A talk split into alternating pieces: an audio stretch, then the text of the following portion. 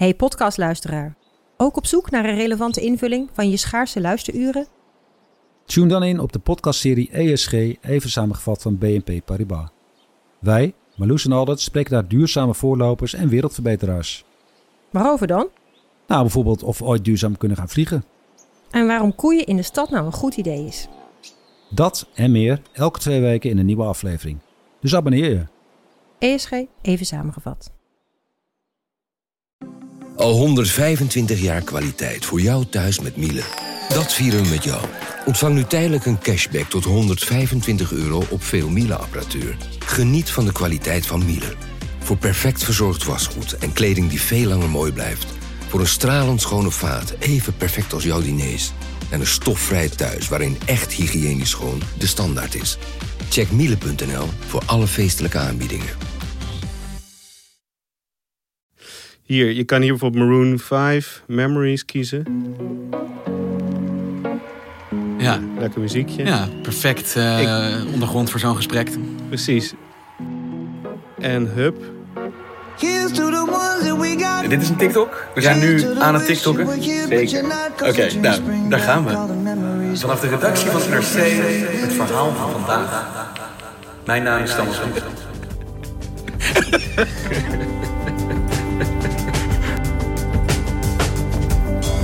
bij mij in de studio Reinier Kist, die samen met Lineke Niebuhr onderzoek deed naar de Chinese app TikTok.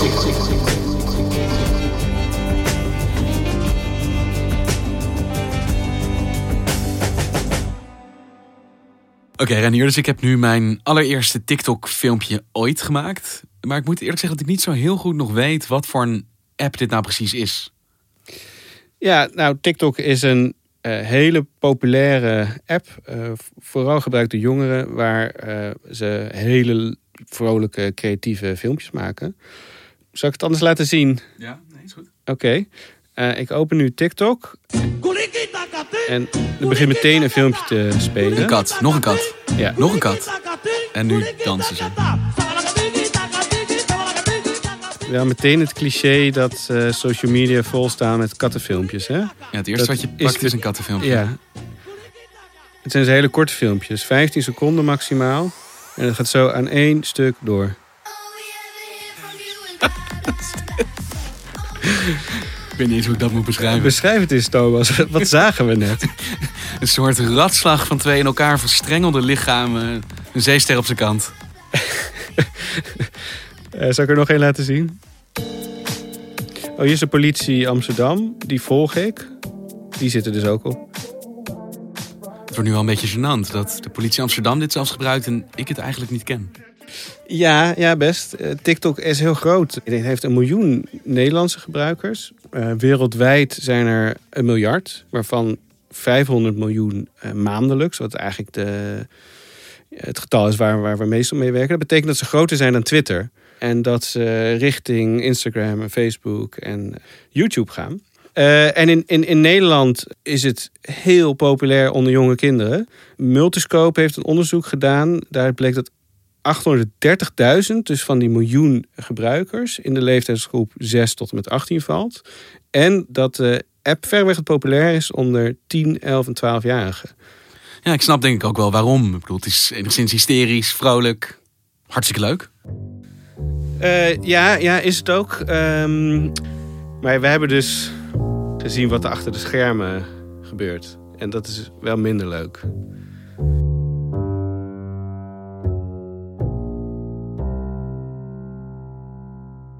Stel dat jouw 13-jarige dochter alleen maar TikTok gebruikt, dan leeft ze in een universum waar homoseksualiteit eh, nauwelijks voorkomt, waar ze het gevaar loopt te worden benaderd door volwassen mannen die eh, seksuele commentaren onder haar video zetten, eh, waar gehandicapten eh, ja, hun video's minder worden getoond. Ehm, Een soort parallel universum dat niet overeenkomt met de wereld zoals we die hier door ons raam buiten zien. ja, zo zou je dat kunnen omschrijven. Ja. En hoe komen jullie daarbij dat dit aan de hand is op TikTok? Nou, dat er problemen zijn op TikTok, dat is wel al langer duidelijk. Ehm, een deel van die richtlijnen, dus dat is eigenlijk een soort wetboek waaraan alle video's die op TikTok staan moeten voldoen, die zijn al uitgelekt via The Guardian. En ik heb daar eens een keer een artikel over geschreven. En op basis daarvan kreeg ik een tip binnen. Echt een gouden tip.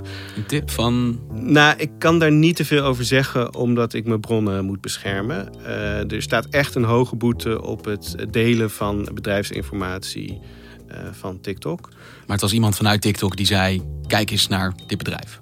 Nou, dat laat ik liever in het midden. Maar we hebben drie mensen bereid gevonden om uitgebreid met ons te praten. En we hebben ook documenten gekregen. Heel veel documenten, honderden pagina's. En audio-opnames van binnenuit bedrijf. En we hebben ruim het eerste jaar van TikTok in uh, West-Europa kunnen reconstrueren. Dankzij die, al die documenten en dankzij al die gesprekken. En daaruit kwam toch best wel een schokkend beeld daarvoor van een um, onprofessioneel geleid bedrijf dat uh, groei belangrijker vindt dan de veiligheid en de rechten van gebruikers.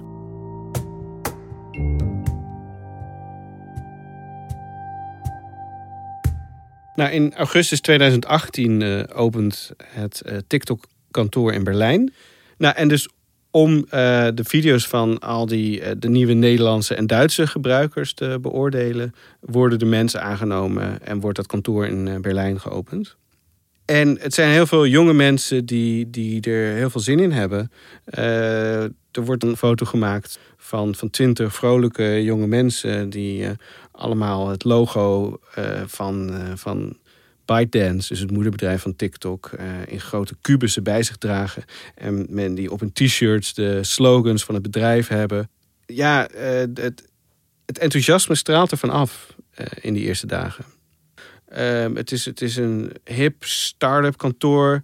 Ehm, een pooltafel, er staat een popcornautomaat. Koelkast vol met bier dus. Het wordt gebloot in de gangen zelfs. Leidinggevende feesten mee.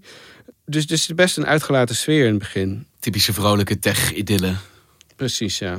En wat is het dat deze mensen, deze nieuwe medewerkers van TikTok doen? Wat is hun werk? Ja, um, dat vroegen ze zichzelf ook af. Ze kregen namelijk te horen dat ze zouden meedenken over de richtlijnen van het bedrijf.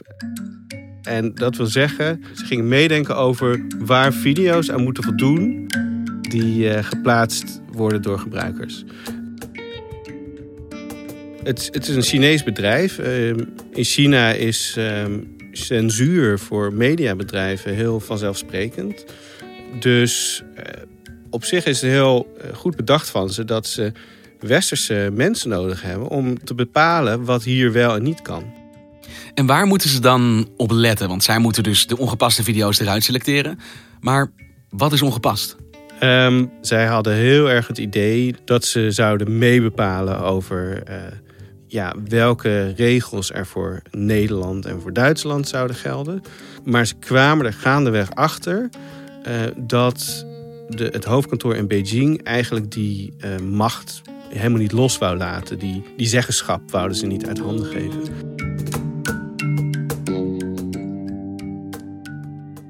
En het is vrij conservatief als je het uh, met de Nederlandse moraal vergelijkt. Uh, dus bijvoorbeeld uh, tienermoeders werden minder vertoond.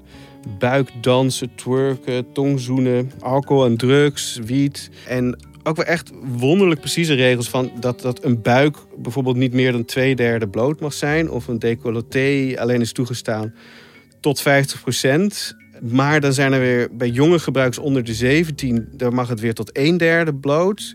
Uh, en een zoen mag niet langer dan drie seconden duren. Uh, ja, het is kuis uh, moraal. Ja, precies. Maar ook voor ons heel gekke dingen. Bijvoorbeeld als er in de commentaren van een video over gevangenschap werd gesproken. Dan moesten ze die video ook beperken.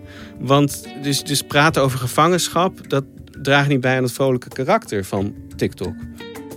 En op een gegeven moment kwam er de richtlijn binnen dat uh, grote honden zonder baasje. Honden? Ja, die moeten, moesten geweerd worden uit islamitische landen. Want de honden zouden onrein zijn daar. Nou ja, je ziet een beetje hoe absurd sommige van die regels zijn. Maar het klinkt alsof die richtlijnen ja, dat her en der absurd zijn. Soms misschien een beetje overdreven kuis. Maar het klinkt niet per se heel problematisch. Nee, we hebben het nu nog over inderdaad uh, kuise richtlijnen en rare richtlijnen gehad. Maar ze discrimineren ook. Uh, TikTok wil zo min mogelijk politiek op het platform. En wat voor dingen gaat het dan bijvoorbeeld? Wat mocht er dan niet van China op TikTok? Nou, een van de meest uh, schokkende uh, aspecten van die richtlijnen is, is het uh, discrimineren van ehm, homoseksualiteit en transgenders. Dus zelfs mannen die hand in hand lopen, hun video's moesten minder vertoond worden. En zelfs regenboogoorbellen of polsbandjes, daar moesten de moderatoren op letten. Uh, en nou ja, goed, ook een heel bekend voorbeeld is dat er, nou, ik denk een maand geleden, een filmpje is verschreven van een meisje dat make-up deed. Hi guys, I'm going to teach you guys how to get long lashes. So the first uh, leuk make-up filmpje. Plotseling begint ze te praten over de onderdrukking van de Oeigoeren in China. Curl your lashes, obviously. Then you're going to put them down and use your phone that you're using right now to search up what's happening in China, how they're getting concentration camps. Waarom deed het zo? Omdat als zij direct over de Oeigoeren zou beginnen, een moderator waarschijnlijk het filmpje weg had gehaald. Of in ieder geval de verspreiding had beperkt. This is another Holocaust, yet no one is talking about it. Please be aware. Please spread awareness. En nou, eigenlijk was er ook nog wel een overtreffende trap van discriminatie. Er bestond een lijst van special users. En daar zaten uh, bijvoorbeeld uh, obese mensen tussen, maar ook gehandicapten. Dus uh, kinderen met Down, bijvoorbeeld, die een TikTok-account hebben. Hun video's die werden uit dat voor jou scherm geweerd. Pure discriminatie. Ja, absoluut.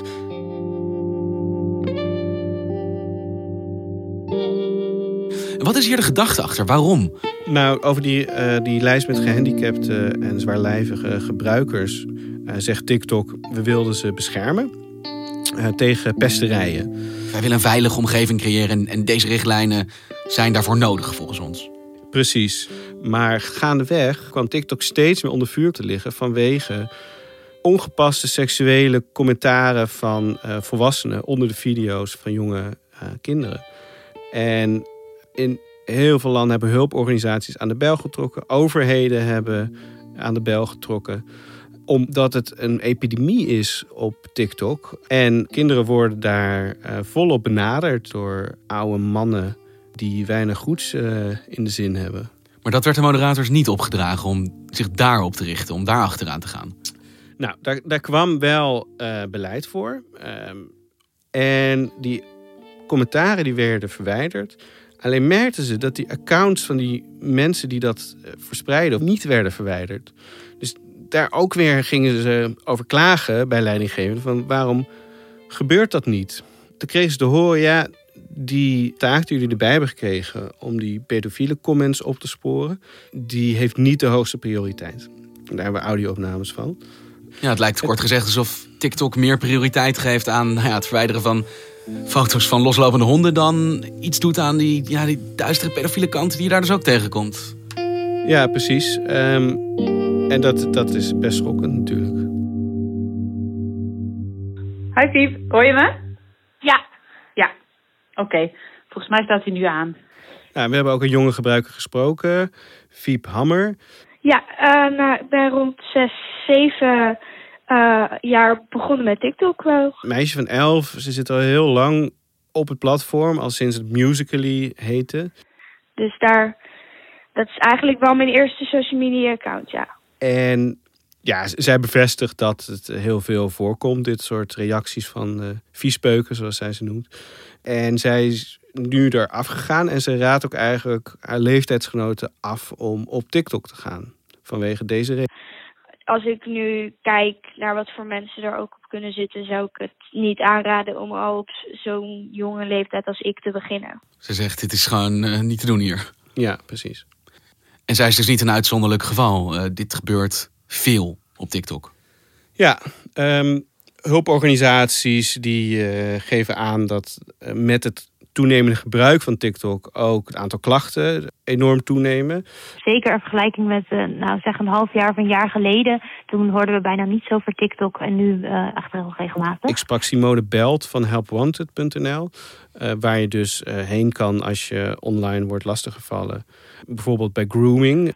Wat grooming is, is dat eh, jongeren onder de 16 benaderd worden door een volwassen persoon. Met als doel af te spreken voor seks met die persoon. Dat is eigenlijk digitaal kinderlokken. En zij zei zelfs tegen me van het is eigenlijk een kwestie van tijd. Als je jong bent op TikTok, voordat er zo'n reactie onder een van je filmpjes komt. Is een regel, niet af en toe een onplezierige Nee. uitzondering. Nee, precies.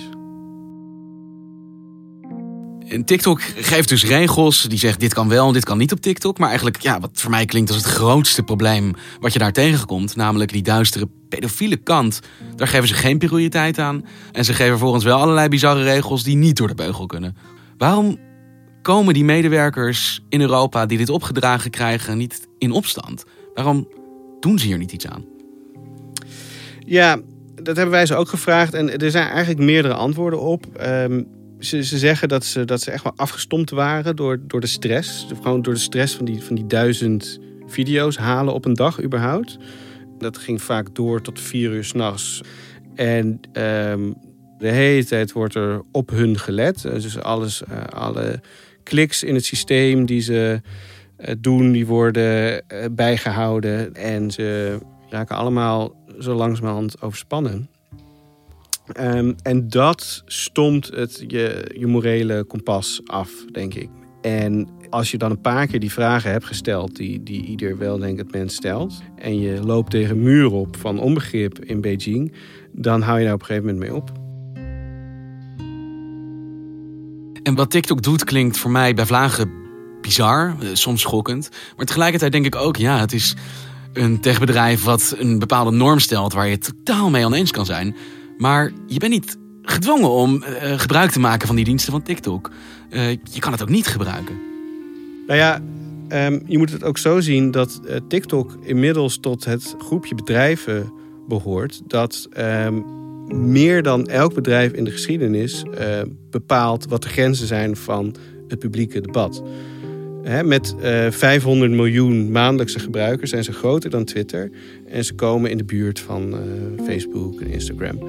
Ehm, en dan wordt het echt problematisch, denk ik.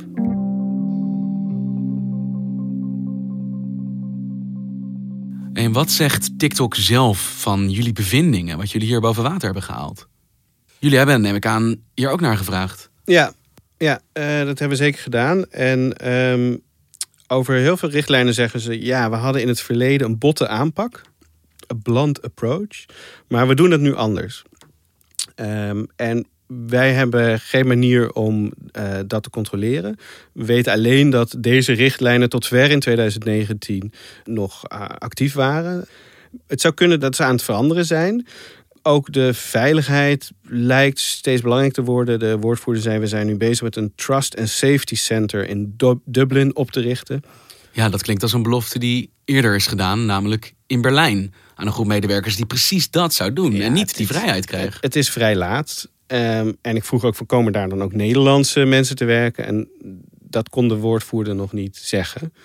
Ehm, dus ja, hè, je, je hebt wel 30, 40 Nederlands sprekende mensen nodig... om al die commentaren op te sporen, zou ik zeggen. En die medewerkers in Berlijn die de taak hadden om die regels uit te voeren. Is dat werk dan daar verbeterd? Nou, ehm, onder oud-medewerkers gaat, gaat die foto rond die ik noemde in het begin. Die bij de opening van het Berlijnse kantoor eh, in eh, volle vrolijkheid werd genomen. eh, en iedereen daar had, had, zin in dit werk. En daar staat boven de success story of ByteDance. ByteDance, het moederbedrijf van TikTok. En dat, dat is ironisch bedoeld, want door twee derde van die medewerkers is een kruis gezet. Want die werken er niet meer.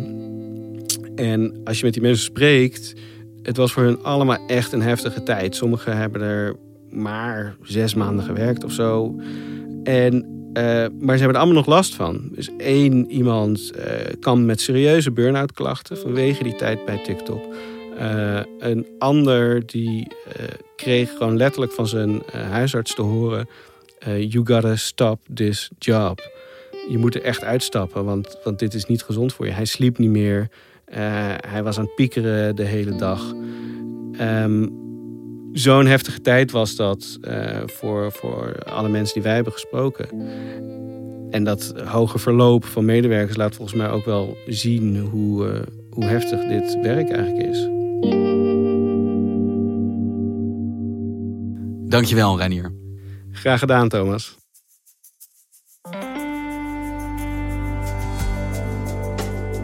Je luisterde naar vandaag, een podcast van NRC. Eén verhaal, elke dag. Dit was vandaag, morgen weer.